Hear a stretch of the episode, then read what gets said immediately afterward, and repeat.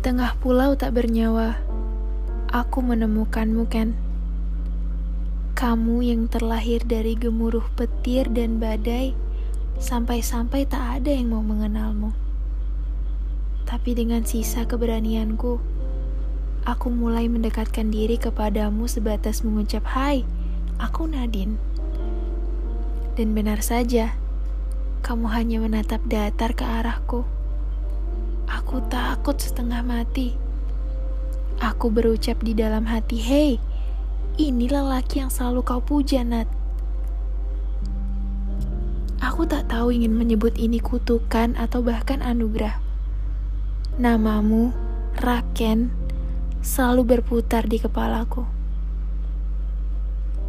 Aku jatuh cinta, Ken.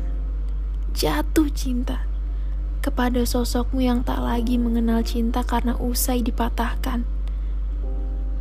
Perasaan yang awalnya sangat menyenangkan menjadi sakit yang tak tertahankan. Aku sudah tak sanggup menahan segala sesak.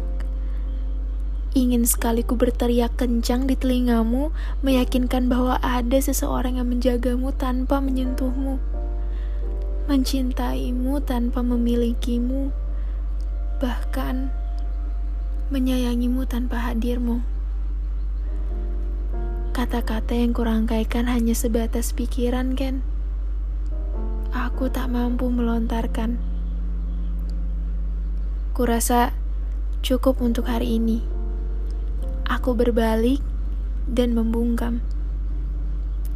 Tak ingin meneruskan perang batin yang sedari tadi menguasaiku. Akan ku coba di lain waktu ya, Raken. Maafkan aku.